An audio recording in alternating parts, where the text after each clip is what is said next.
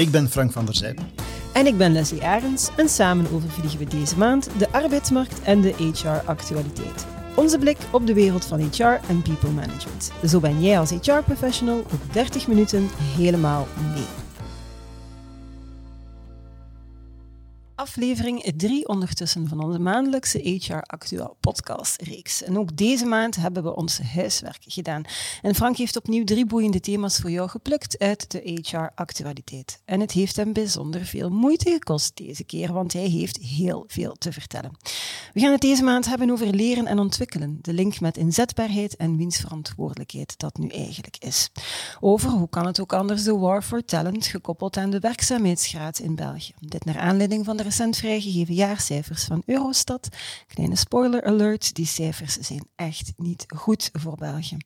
En we gaan het ook hebben over diversiteit en de toch wel pijnlijke vaststelling dat de Belgische werkgever dat vooralsnog niet zo hoog op de prioriteitenlijst zet. En dat we nog ver afstaan van een inclusieve arbeidsmarkt. Jullie mogen ook altijd jullie vragen richten aan Frank en deze keer hebben we een vraag van Charlotte Marteau geselecteerd. Welkom. Dag Frank. Goedemiddag. Goedemiddag, hier zijn we weer. Heel veel te vertellen. Hè. Ik ga er u meteen laten uh, invliegen. Waar je het zeker wou over hebben. Leren en ontwikkelen. Absoluut. Hè. Dus uh, ik denk dat dat geen verrassing is hè, om dat als thema te kiezen mm.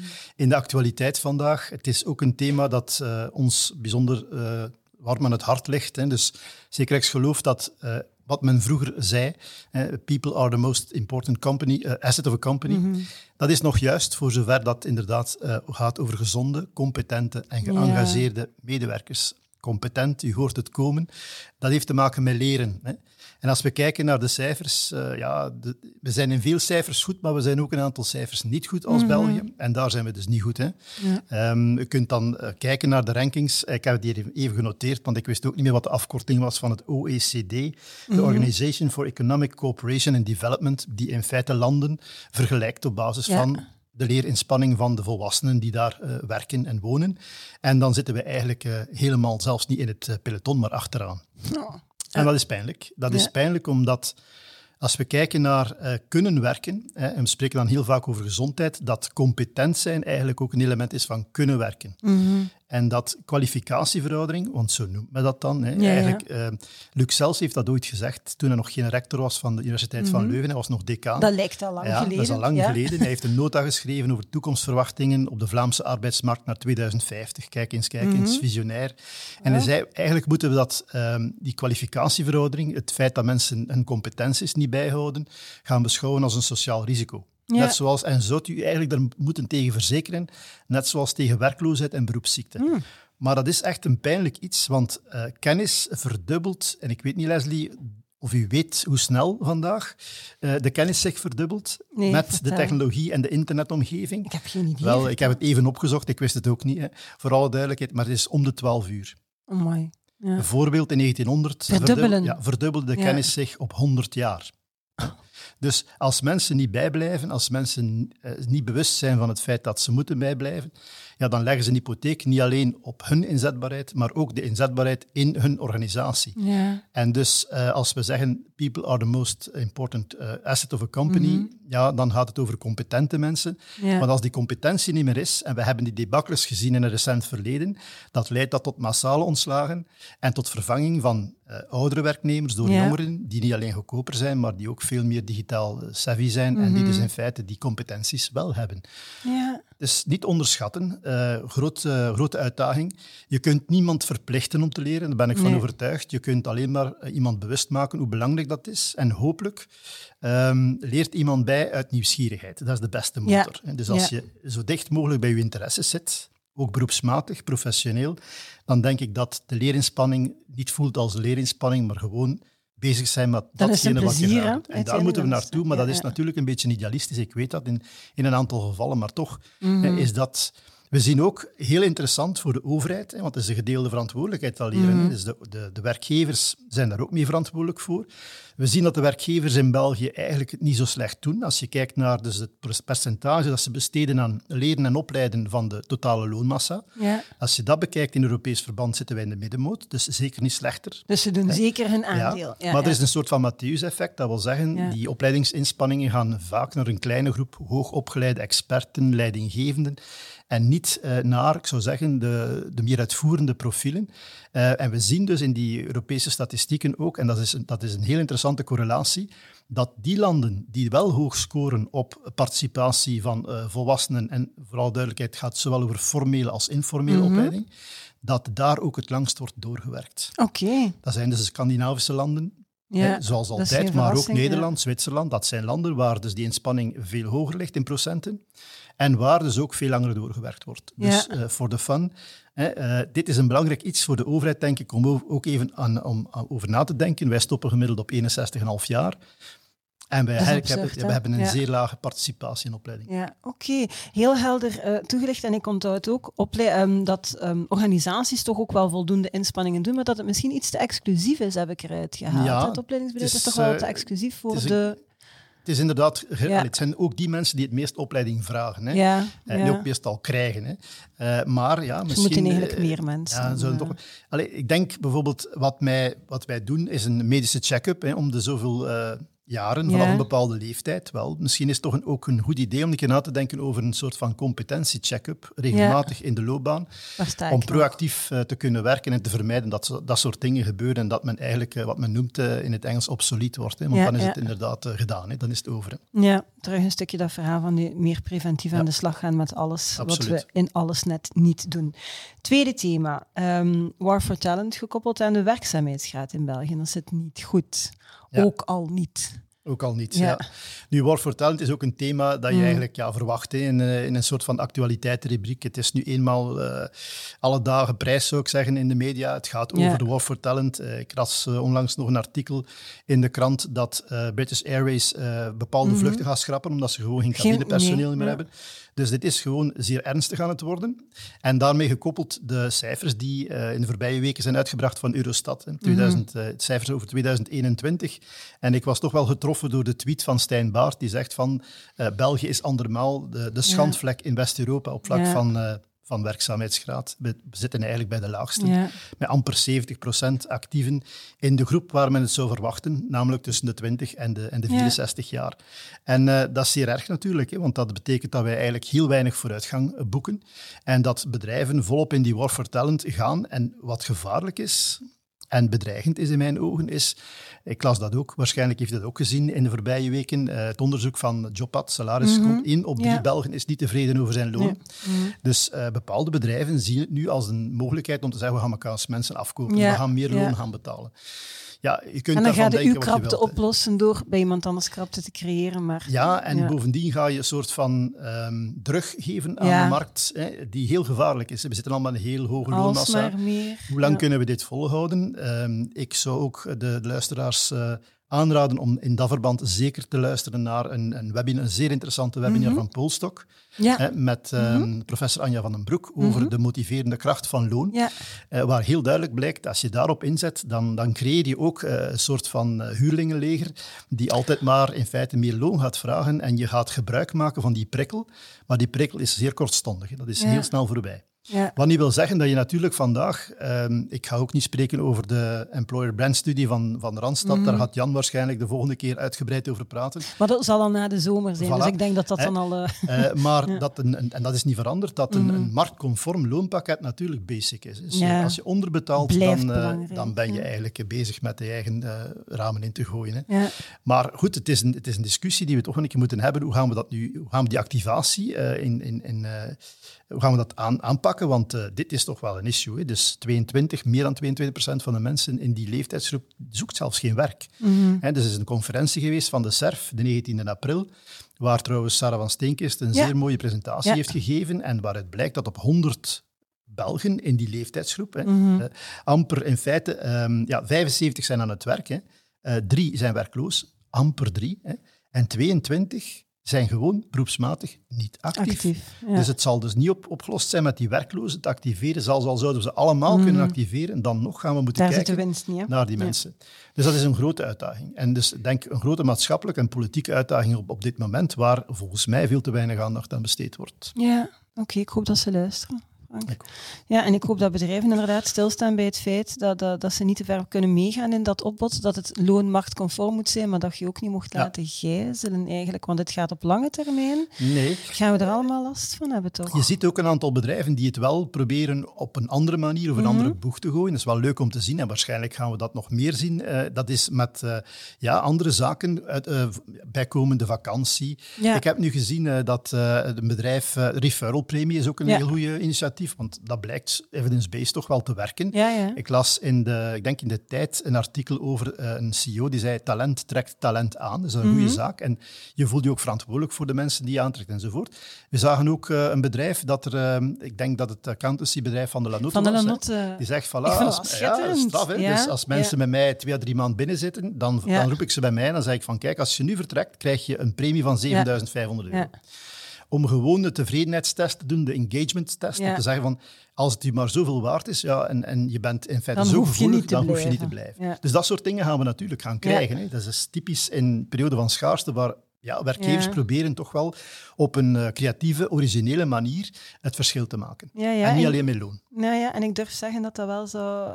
Ja, ik, ik vond dat een heel... We hebben het ook gedeeld. Het was een van de populairste artikels Ja. van het afgelopen half jaar Ja. zelfs. Nu, het is niet, het is niet ja. zo origineel, het komt van Amerika, dus Bezos, waar, het, eh, waar het inderdaad ook al eh, werd gepraktiseerd. hè. Ja, ja. Dus, maar, maar het is de eerste keer in België dat ik het zie. Ja, ja, heel boeiend. Derde thema, het belang van diversiteit om de krapte op de arbeidsmarkt te helpen aanpakken. De helft van de Belgische bedrijven vreest een acuut tekort aan talent. Ja, we hebben het er inderdaad al over, maar ondanks die schaarste zijn ze eigenlijk niet zo innovatief. Diversiteit kan misschien een oplossing zijn, maar daar zetten bedrijven eigenlijk ook gewoon niet op in. Hè? Ja. Het is een zeer actueel en tegelijkertijd heel triviaal thema aan het Mm. worden, diversiteit. hè. Dus ehm, als je kijkt naar waar liggen nog mogelijkheden voor bedrijven, dan kijken we naar de arbeidsmarktreserves. En Mhm. die arbeidsmarktreserves zijn meestal mensen die niet op de eerste op de eerste plaats komen in de aanwervingen. Dat zijn dan inderdaad de mensen met een of andere beperking. Mhm. Dat zijn dus ja, mensen met, eh, met een allochtone achtergrond, allochtone vrouwen, ehm laaggescholden, eh oudere werknemers enzovoort. En dus ja, dan zou je gaan zeggen van kijk, ja, dan moet je daarop inzetten, dan moet je daar proberen mee te werken. Nu, wat blijkt, hè, en we hebben heel lang ook gehoord, het credo, en ik was ook verrast daarover, dat men zei, kijk, en het is zelfs zo dat eh, teams die divers samengesteld zijn, eigenlijk beter presteren dan teams die niet divers samengesteld zijn. Bepaalde bedrijven hebben dat op een zeker moment Ja. eh, gaan gebruiken als zijnde, dit is waarom dat wij dat doen. Heel interessant is dat eh, recent wetenschappelijk onderzoek aantoont dat dat helemaal niet het geval is. Dat dat wetenschappelijk niet bewezen is dat divers samengestelde teams beter zouden presteren dan niet divers samengestelde thema's. En dat je dat argument dus niet kunt Kunt gebruiken. Ik heb dat ja. gehoord onder andere door, eh, van Frederik Anseel in een column in De Tijd. En maar ik heb het ook onlangs gehoord. Er is eh, momenteel Vigor, is, zijn hier ook al geweest in Cedric ja, Velge. Ja. Daar loopt nu een workshop rond in feite wat zijn de determinanten van, eh, van succes Mhm. naar prestatie toe in samenstelling van teams. En daar komt dat ook aan bod. En ze zegt men eigenlijk, ja, dat is niet het argument dat men kan gebruiken. Er is natuurlijk wel een ethisch argument. Hè. Dat wil zeggen dat je mensen niet aan de kant kunt laten staan, maar puur economisch zeggen dat het beter is. En dan maakt natuurlijk, ja, dan maakt het dan maakt het diversiteitsproblematiek niet lichter. Hè. Mhm. Je ziet ook in eh, de HR-barometer Vlerik Hudson vorig jaar dat, dat diversiteit daar nog altijd onderaan Ja. staat. We zijn daar... Niet belangrijk, niet we zijn- dringend. Dat is niet dringend. dat Zijn er ook niet goed in. We zijn er ook niet goed in. En we zagen dus ook weer, ik heb het vandaag gehoord, hè, dat is dat diversiteit, wanneer mensen voor een bedrijf gaan kiezen, voor een werkgever kiezen, dat, dat diversiteitsbeleid zelfs niet in de top 10 Nee. staat van de gevraagde argumenten om daar naartoe te kunnen gaan. Dus het is een heel triviaal iets en toch moeten wij dat gaan doen, hè, want het zijn de enige mensen die er nog zijn. En dus ik denk ook dat de technologie en de omgeving het mogelijk maakt om mensen die misschien wat verder van die reguliere arbeidsmarkt stonden, in te schakelen, omdat we ook voor een stuk in een aantal jobs toch kunnen werken onafhankelijk van plaats Mhm. en tijd. En dat zou toch moeten een argument zijn, bijvoorbeeld Ja. om iemand die in een rolstoel zit, die zich niet kan verplaatsen, toch te laten werken voor een Ja. bedrijf. Maar om een of andere reden uh, komt dat maar mondjesmaat van de grond. Hè. Dus ja. uh, ik zeg het, de cijfers die daar gepresenteerd geweest zijn, ook door, uh, door Sarah van Steenkisten, die, die zijn echt boeiend. U moet hem maar gaan, gaan zoeken op, mm. op Twitter en haar gaan volgen, want zij, zij produceert bijzonder interessante cijfers. Ja, ja maar absoluut. En ik volg, ik volg haar inderdaad ook. Nu, als het gaat over diversiteit, gaat het is natuurlijk wel wat ruimer en dan, dan mensen met een afstand tot, tot de arbeidsmarkt. Ik herinner me trouwens dat je zei van, het was, het was een collega van Cedric Velge, Michael, Michael, ik weet niet, van de die man had dat toen al gezegd, en ik spreek over zeven of acht jaar geleden. Hij zei, er is eigenlijk op dit moment geen evidentie dat bedrijven of teams die divers samengesteld zijn, dat die beter werken. Dus in een business case is er eigenlijk gewoon niet... Nee. Dat is een grote uitdaging. Maar voor mij is het niet alleen om de krapte aan te pakken, Frank. Het is ook gewoon de maatschappij is diverser. Dan moet onze werkende bevolking toch ook gewoon diverser zijn, te dus, Het is ook zo dat je moet opletten dat wij geen witte bedrijven creëren, terwijl de samenstelling al lang gekleurd is. is. En daar, moeten we, daar moeten we absoluut iets aan doen. Maar je ziet in feite, uh, ja, als je kijkt naar hoe... Was, ik denk dat er een onderzoek was van Tempo Team met... Mm -hmm met de KU Leuven, die dus uh, heeft aangetoond dat uh, ja, eigenlijk de meerderheid van de bedrijven daar niet van wakker lag. Hè, om mensen nee. te gaan integreren die misschien nee. met een of andere beperking kampen. En dat is heel, heel erg, hè, want daar zitten absoluut goede mensen tussen. Hè. Mm -hmm. Het is niet omdat je een of andere beperking hebt dat je niet kunt werken. Hè. Dus nee. ik denk dat er verschillende organisaties zijn. Ik, ik denk aan Compaan, ik denk aan. Divergent, die, uh, die, die, die, mensen ook de, proberen te integreren in En die bedrijven daarin ondersteunen, volgens ja, mij, en toch? dus uh, wij zijn daar zelf ook mee bezig en wij zien toch dat dat wel werkt. Hè. Dus het is mm -hmm. zeker niet zo dat het niet kan werken. Het kost volgens mij gewoon een beetje te veel moeite, Frank. Dat zou kunnen. Bedrijven hebben al geen tijd om de mensen die ze aantrekken op een fatsoenlijke manier te gaan onboarden. Mm. Dat ze waarschijnlijk de, de, de tijd menen niet te hebben om mensen die iets meer ondersteuning vragen in de dagdagelijkse ja. praktijk om die te Maar goed, in die War for Talent, uh, elk is talent telt. Ja, ja, uh, ik hoor de woorden van Philippe de Fruit altijd in mijn achterhoofd uh, weer klinken. Leave no talent, talent, behind. behind. dit is wat we moeten doen. Hè. Dus je kunt niet zeggen van die willen we niet of die, die, daar gaan we het niet mee doen. Nee, we gaan, gaan iedereen die kan mm. en die wil, gaan we moeten kunnen inzetten op een andere manier. Akkoord. Zijn er drie thema's uh, in, een, uh, in een sneltreinvaart? De, het cijfer dan van de maand. Welk cijfer heb je er deze keer uitgehaald? Ja. Het cijfer is 23 procent. Ja. Uh, een raar cijfer, 23 procent. -huh. uh, maar het heeft te maken met de problematiek of de actualiteit van het telewerk en het afstandswerk. -huh. We zien dus dat we aan het landen zijn. Hè. Dus, ja. uh, en, en, het land, en het landen zijn, dat wil zeggen dat er berekeningen gemaakt worden hoeveel, men, hoeveel dagen per week uh, werken mensen nu van thuis uit. Mm -hmm. Functie van de bron verschilt dat. De ene zegt twee à drie dagen. Een internationale studie zegt ja, het is ongeveer 1,4 dag mm -hmm. per week. Hè. En dus de, merk, de, werknemers zouden eigenlijk meer willen en de ja. werkgevers zouden eigenlijk minder, minder willen. Er zit wel spanning. Komen we weer niet overeen. Ja, komen eigenlijk niet overeen. Maar we zien dus dat men zich enorm fixeert op het aantal dagen. dagen en ik, ja. ik, word daar eigenlijk wel een beetje uh, vervelend over en gefrustreerd van. Want eigenlijk heeft het niet te maken met het aantal nee. dagen, wel met het soort job. En vooral met, het, met de context waarin dat je werkt. Mm -hmm. En dus voor de ene zal dat misschien vier dagen zijn, voor de andere één dag, voor de ander niks. Hè? Omdat het gewoon niet kan. Dus we fixeren op het aantal dagen, terwijl dat dan niet de essentie is. En die 23 procent, om u idee te geven, is het cijfer dat afkomstig is van een onderzoek dat wij gedaan hebben samen met de KU Leuven, mm -hmm. rond... Uh, de stijl van leiding geven. Mm -hmm. En dus wat blijkt uit dat onderzoek? Dat 24%, 23% van dus de variantie, verklaarde variantie in uh, productiviteit ja. bij mensen in telewerk rechtstreeks kan gelinkt worden aan de stijl van leiding geven die erachter steekt. Okay. Heeft niks te maken met het aantal dagen. heeft, ja, ook niet te maken, heeft gewoon te maken met hoe worden die mensen aangestuurd. Hè? En dus de, de, autonomie ondersteunende leiderschapsstijl blijkt dus echt verantwoordelijk te zijn voor, het, mm -hmm. voor de grote performance. Het is toch wel 24% in termen van HR in, uh, in menswetenschappen is veel. Hè? Ja, ja. Dus dan zitten we echt aan een hoge uh, verklarende factor, zou ik zeggen. Dus in plaats van we moeten daar te fixeren op het aantal dagen, fixeer uw aandacht op de context en kijk wat er mogelijk is. Uh, wat die job toelaat, wat die persoon wil, wat dat team toelaat, wat die klant vraagt, mm -hmm. maar ook wat, hoe, hoe, dat die leidinggevende daarmee omgaat. Ja. En ondersteun die leidinggevende. Ah, ja. En dus daar moet je inderdaad ja. gaan, uh, gaan aan, aan na, over nadenken. Dus en ik denk dat die discussie uh, veel te weinig in, vanuit die invalshoek gevoerd wordt en veel te veel gefixeerd wordt op het aantal dagen. Ja, ja oké. Okay. Helder. Onderzoek van de maand. Voilà.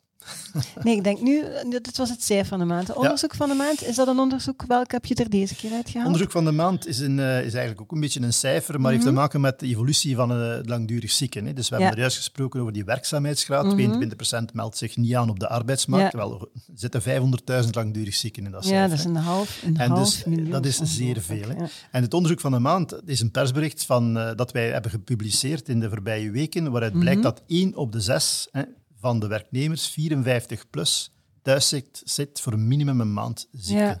En dat is eigenlijk dramatisch. Dat betekent dat dat, dat dat nog altijd niet ingedijkt is, die langdurig ziekte.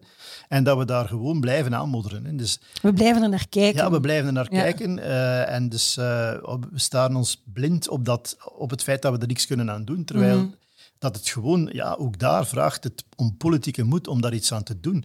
Want mensen die echt ziek zijn, die zijn niet meer te recupereren en dat moeten we ook aanvaarden. En ik ben zeker uh, niet tegen solidariteit. Ik denk dat we als maatschappij mhm. daar heel solidair moeten voor zijn.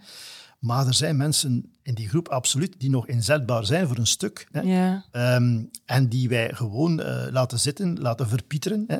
En dus we weten ook hoe langer dat het duurt dat je contact neemt met die mensen, hoe groter de kans dat ze niet terugkeren. Hoe moeilijker dat wordt om ze terug te krijgen. Dus laat ons daar iets aan doen. En uh, dat is een oproep zowel naar bedrijven toe als naar uh, de overheid toe om dat echt wel aan te pakken.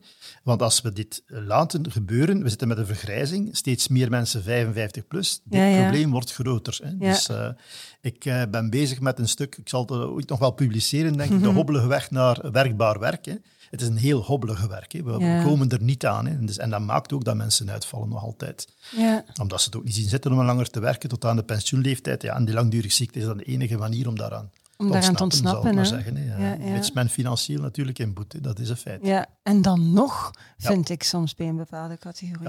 Oké, een heel duidelijke boodschap. Um, je hebt ook weer heel wat boeken gelezen en je hebt er eentje uitgehaald waarvan je zegt van ja, deze moeten de HR-professionals nu toch echt wel eens lezen of van naderbij bekijken? Vertel, welk boek is dat deze maand geworden? Ja, het, is een, uh, het, is een, uh, ja, het is niet altijd een, uh, een Nederlandstalig boek, maar dit mm -hmm. is een mhm. Nederlandstalig boek en, en, een zeer lezenswaardig boek. Het gaat over HR Analytics. Het gaat mm -hmm. over cijfers in een HR-omgeving. De titel is Reinventing HR Data. wat medewerkers je niet ja. vertellen. Ja, ja. En het is een, een zeer leuk boek, geschreven van uh, Timothy de Smet, uh, prof VUB, een van de stichters van een bedrijf dat ondertussen ook wel heel veel succes heeft gekend, Profex. Mm -hmm. Het is de man achter Profex, samen met Stijn de Ramlaren, die nu professor is aan de VUB, en zijn ehm, collega, zou ik zeggen, Jeroen Nouts, die hier aan de Artevelde Hogeschool doseert. Hè. Mm -hmm. En het is een boek over HR Analytics. En um, ja, ik weet ook dat dat, een, eh, ook een, dat is een thema dat veel HR-mensen zeggen, daar gaat nooit iets van komen. Hè. Dat is nee, iets wat men... vinden dat, ook niet hype, belangrijk, heb ik, heb ik Ze vinden het niet belangrijk. Het is een hype. Ja. Uh, maar goed, ik blijf dan toch wel een believer. Ik ben zo een beetje een dwarsligger soms. Hè. Uh, waarom vind ik uh, dat dat inderdaad zomaar niet mag begraven mm -hmm. worden? Data zijn niet meer weg te denken. Hè. Mm -hmm. Dus gelijk welk domein zijn data eigenlijk heel belangrijk. Hè. En, en, ik denk dat je dat ook niet in HR mocht wegdenken. Mm -hmm. Twee, het is absoluut nodig, denk ik, dat HR met data gaat werken. Willen wij ons een stuk credibeler maken, geloofwaardiger maken in de ogen van uh, van de directiecomité's en raden van bestuur, ja, dan moeten wij cijfers durven tonen. Mhm. Net zoals onze andere collega's in het bedrijfsleven. Ik denk dat er geen enkele productieingenieur uh, zou kunnen, kunnen, getuigen van ik denk en ik voel, zonder dat hij cijfers meebrengt. Wij moeten dat ook doen. en ik hoor heel veel frustratie in HR van mensen die zeggen waarom geraken wij heel vaak niet in die directiekamer? Mhm. Waarom is HR niet strategisch? Wel, dat is een van de redenen. Als we niet met cijfers gaan werken, dan gaan we dus nooit serieus worden genomen. Dus wij moeten met cijfers gaan werken. En de derde reden reden waarom ik een believer ben, is dat wij effectief nog in de kinderschoenen staan. Mhm. Wij zijn nog bezig met datacollecties te doen, met eigenlijk data te verzamelen op een, op een eenvormige manier. Dat is al het probleem, dat, je mhm. data, dat er ook in, in HR geen klare definities bestaan over hoe moet je je personeelsverloop meten. Mochten we daar een definitie over hebben, ik ben, ben er al heel lang over aan het nadenken, um, dan zouden wij, denk ik, zoals in een soort van uh, economische wetgeving, zouden, dit is de definitie, zo moet je het meten en je kunt altijd vergelijken met iedereen. Ja. Dat hebben we dus niet. Hè. Ja. Dus we zitten in die fase. Maar in een volgende fase, denk ik, als we die data wel hebben, zullen we toch wel correlaties kunnen leggen. En misschien zelfs causale verbanden kunnen zien. Hè, want correlaties zijn geordende. Hè, we zien dat er een relatie is tussen dit en dit. Mhm. Maar in welke richting gaat de pijl? Hè, causale verbanden. En vanuit de causale verbanden, dat is het summum natuurlijk. Hè, dat is dat we predictie kunnen gaan doen. Dat is dat we kunnen gaan voorspellen. Want kijk, als dit gebeurt in uw bedrijf, dan mag je dit gaan verwachten. Mhm. En dus daar moeten we toch vanuit gaan dat dat ergens eh, ook mogelijk is. hè. Ik geloof Maar dat daarin. is mogelijk. Marketeers hebben net hetzelfde gedaan. Vroeger namen, namen mensen marketeers ook Ja. nieuws. Ik kan het weten, ik was een marketeer. We Absoluut. zijn ook met data begonnen. Ja. En kijk ondertussen, het is allemaal Het is waar. zeker mogelijk, eh, maar het vraagt wat moeite en het vraagt inderdaad wat, eh, wat geloof daarin. En het boek is natuurlijk geschreven door twee believers. Dat zul je dus, als je dat leest, wel, ondervinden. Ehm, het, is, het is een zeer onderhoudend en leesbaar boek, hè, vol met stories. Hè. Het is eh, vlot eh, leesbaar, maar het is wel wetenschappelijk onderbouwd. Ja, ja. En dat vind ik heel leuk, want achteraan zitten wel de referenties. Is Mhm. niet zomaar hè, uit, uit de losse pols. Het gaat eigenlijk over hoe kan je HR-data inzetten in elke fase van de employee journey. Vanaf Mhm. employer branding tot en met exit. Ja, En je kunt het lezen eh, in functie van het hoofdstuk dat je interesseert, of je kunt het volledig doorlezen. Maar ik, vind het, ik vond het eh, zeer leuk. En eh, bijvoorbeeld, allee, ik ga één, één voorbeeldje geven. Ik ga het niet, ik ga het niet spoilen. moet ik niet spoilen. Maar er staat ook maar- een interview in het magazine van Zicht, zeg ik Voilà, jaar, dus dus, we spoilen ook al. Er staat een vraag in Ja. rond wat is, hoe komt het nu dat er blijkbaar een correlatie is tussen het aantal ijsjes dat men verkoopt in de zomer en het aantal verdrinkingsdoden. Dus men, die twee zijn blijkbaar gecorreleerd. Als het een omhoog gaat, het andere ook omhoog. En hoe komt dat nu? Eh, en dus het, het antwoord staat in het boek, dus ik ga het niet zeggen. Maar het is heel leuk om, om te lezen hè, hoe, hoe gemakkelijk dat we ons om de tuin laten leiden. En waar de auteurs zich ook een beetje tegen verzetten is, en dat is de ondertitel van het boek, wat je medewerkers je niet vertellen, is let toch op inderdaad voor medewerkersbevragingen. ja. Want als je daar alleen op afgaat, ja, dan krijg je heel vaak sociaal wenselijke antwoorden Mhm. of strategische antwoorden. En je moet maar eens kijken naar de vraagstelling soms, hè, van die eh, vragenlijsten. Dan heb je het Ja. gevoel van, ja, maar waarom vraag je dit hier? Want je zet Je het geeft het antwoord, antwoord al in je vraag. Dus ja, het is, ik zou zeggen, een must-read voor elke HR-professional in de zomer. Het Ja. leest eh, op een zonnig terras eh, met een glaasje erbij. Het is eh, zeer, zeer onderhoudend. Ja, Ja. en onderhoudend, maar toch inderdaad wetenschappelijk Absoluut. onderbouwd. En het is die combinatie die volgens mij inderdaad een groot deel van hun succes verklaart. Ehm, uitspraak van Björn Soenen dan in een interview in ons magazine. Dat is de uitspraak die jouw aandacht heeft geprikkeld. Hè? Deze maand, The Great Resignation en een aantal toch vooruitstrevende suggesties die Björn daarin heeft. Ja, wel. Dus het zijn vooral dingen die, die verklaren waarom dat we in Amerika de Great Resignation zien. En misschien niet in België. Ja. En ik was heel verrast van... eh, ik, was, ik vond het een heel boeiend artikel om een keer iemand die daar ter plaatse is eh, te Ja. horen van wat zit daar nu achter. hè. Want ik zoek mij al een tijdje hek naar wat is nu de reden van Mhm. waarom dat, dat daar gebeurt. En als je dat dan daar leest, hè, dat eh, de Amerikaanse overheid heeft beslist om de werkloosheidsvergoedingen te vier, ver, verviervoudigen... Ja, dan, eh, dan eh, gaat natuurlijk mijn frank vallen. Want dat betekent dat er mensen zijn die plots in feite minder verdienen, zelfs door zes dagen op zeven te gaan werken, werken, ten opzichte ja. van het krijgen van een werkloosheidsvergoeding. Ja. Ja, dan natuurlijk. Hè. Mm. En dan, dan vraag ik mij af, en wij ook waarschijnlijk, zou dat een goed idee zijn in België? Absoluut Ja. niet. Hè. Absoluut niet. Hè. Allee, ik, ik, ik, ik ben hier heel kassant misschien. Hè. Ik vind dat mensen die werkloos eh, worden eh, recht hebben op een vergoeding Mhm. om te overbruggen. Om te Maar, overbruggen. Maar, ja. maar werken Ja. moet altijd meer lonend zijn dan niet werken. hè. En als we die activatie willen aanzwengelen, dan, dan zullen we juist het omgekeerde moeten doen. Dan moeten we de discrepantie tussen het netto loon wat iemand krijgt als hij Ja. gaat werken en de netto vergoeding die hij krijgt als hij niet werkt, dan moet dat in feite significant Ja. groot zijn. Mhm. Want anders gaan mensen de rekening maken. Ik moet eh, gaan werken, ik verdien eh, iets meer dan mijn uitkering, ik moet mijn kinderen wegdoen, ik moet mijn auto kopen of een abonnement. En als men de rekening maakt en men komt uit dat men maar evenveel heeft of zelfs hè, iets minder, ja, dan gaat men dat niet doen. Tuurlijk. Dus het is juist het omgekeerd. Maar ik vond het frappant, die uitspraak, ja. omdat ze voor mij wel genoeg zegt waarom dat men daar nu daarmee... eh, ja, ja, geconfronteerd eh, wordt. Hè? Ja, ja, ja. eh, zeer dus, zeker. zeker lezen zou ik zeggen. Het staat er ook in jullie in de Het, magazine. ja, ja, en helaas, er zijn twee interviews die ik destijds liever zelf had gedaan en die twee keer Wieland, de gewoon collega Wieland, heeft gedaan. Dat was met Anne Wouters en met Björn Soens. Hij heeft eh, de twee mensen een zeer boeiende man. Wat ik mij afvraag, Leslie, ik heb er geen antwoord op. Misschien Ja. dat een van de, van de luisteraars het antwoord Ja. kan bieden. Betekent dat in Amerika, als men eh, vrijwillig ontslag neemt, dat men ook recht heeft op werkloosheidsuitkering? Want dat is mij nog niet duidelijk. Employment Dus, at eh, Will, dat zou ik aan Lisbeth Klaus Eh, moeten vragen. Ja, want in België is dat ja. niet zo. Je Nee. kunt dus niet, maar ik heb de indruk dat dat daar, hè, omdat zoveel mensen dan toch ontslag geven en waarschijnlijk kunnen gaan stempelen op een andere manier. Nee, nee, dat denk ik niet. ik Ben weet er- het niet. Ik ja, ben, ben- ben het niet zeker, maar in ieder geval, dit, dit is toch wel onwaarschijnlijk. hè. Ja, ik ga het Onwaarschijnlijk. eens vragen aan, aan Lisbeth. Lisbeth Klaus heeft mij al een paar keer uitgelegd, maar eh, ik ben er vrij zeker van dat dat niet het geval is en dat het Mhm. daar heel makkelijk is om af afstand om afscheid te nemen, zowel langs de kant van werkgever als werknemer, zonder dat je daar zwaar financiële uh, compensaties voor krijgt of moet voor geven. Normaal gezien is onze podcast is die hiermee afgerond, maar we hebben er nog een extraatje bij, want we stellen ook altijd mensen, de, de, we geven hen de gelegenheid om vragen te stellen. En deze keer was het onder andere Charlotte Marteau. En dat is iemand die nog met jou heeft samengewerkt, ja. wist ze mij te vertellen.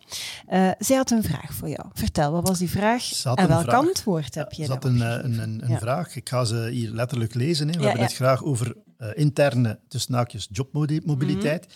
Heeft u kennis van valide onderzoek dat duidelijk de voordelen hiervan aantoont, van die mhm. mobiliteit, voor zowel het individu, de organisatie en onze maatschappij? Dat is natuurlijk een, een, een, hele ruime vraag. Het is een heel interessante vraag ook. Hè. Dus je hebt je schuif uh, even opengetrokken? Ja, ik heb, maar ik, ik heb geen uh, systematisch literatuuronderzoek gedaan, dus dat heb ik niet gedaan.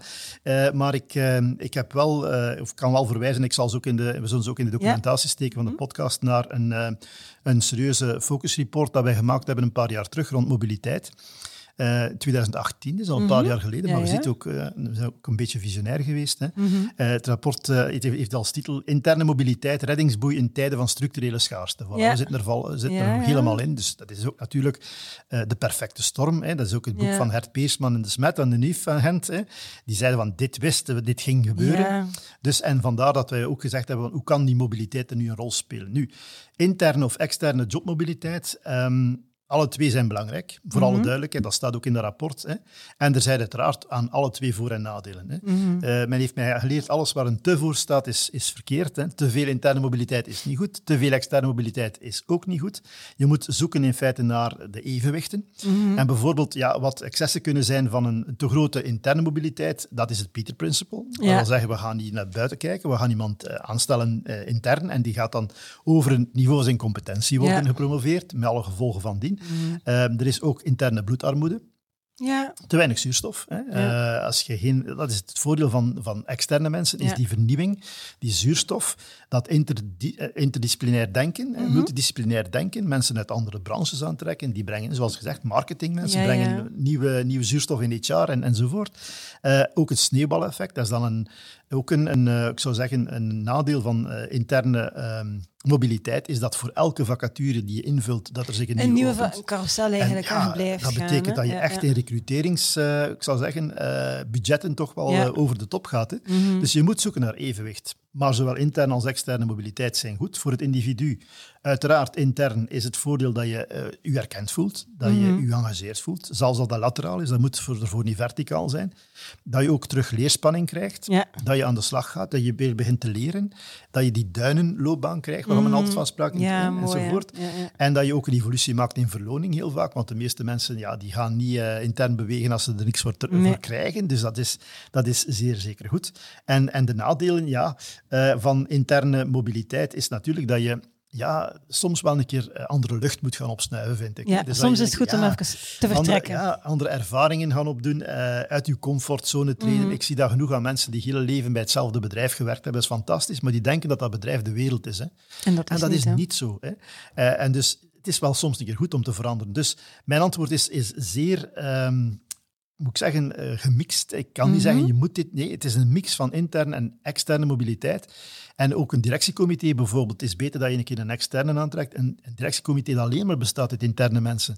Ja, dat kan toch niet oké zijn? Je hebt mhm. nood aan, aan zuurstof, aan vernieuwende ideeën. En op dat niveau dat binnenbrengen via iemand uh, uit de buitenwereld is zeer zeker ook een voordeel.